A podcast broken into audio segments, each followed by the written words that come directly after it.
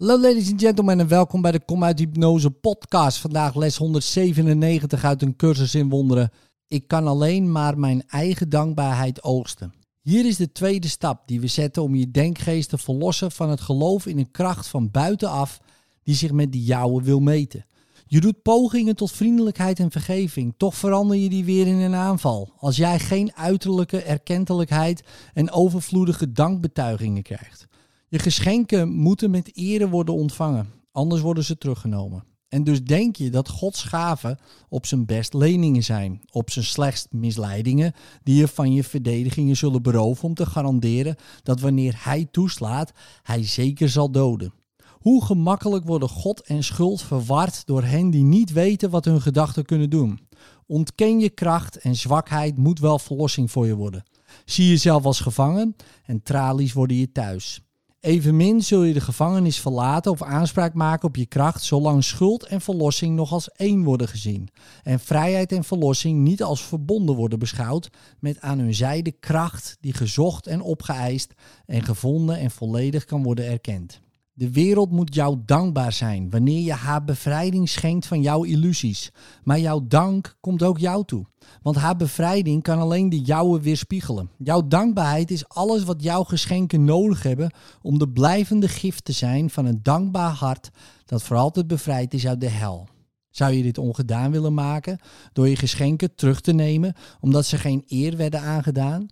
Jij bent het die ze eer aandoet en ze op een gepaste wijze dank betuigt. Want jij bent het die de geschenken ontvangen heeft.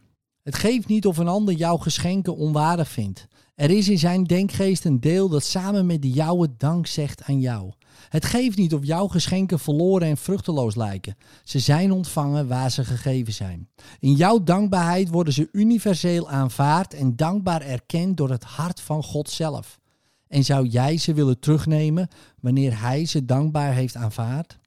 God zegent elk geschenk dat jij Hem geeft. En elk geschenk wordt Hem gegeven. Want het kan alleen worden gegeven aan jouzelf. En wat God toebehoort, moet wel het zijne zijn. Maar je zult nooit beseffen dat Zijn gaven zeker zijn, eeuwig, onveranderlijk en onbeperkt en eeuwig uitdelen, liefde uitbreiden en jouw altijd durende vreugde vergroten, zolang jij slechts vergeeft om weer aan te vallen.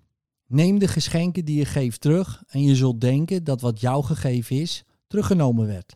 Maar leer vergeving de zonde te laten wegnemen die jij buiten jezelf denkt te zien. En je kunt nooit denken dat de gaven van God slechts voor een poosje geleend worden, voor hij ze weer wegrist in de dood. Want de dood zal dan geen betekenis meer hebben voor jou. En met het eind van dit geloof is angst voor goed voorbij. Dank jouzelf hiervoor, want Hij is alleen dankbaar jegens God en Hij dankt zichzelf voor jou. Tot ieder die leeft zal Christus uiteindelijk komen, want ieder moet leven en bewegen in Hem.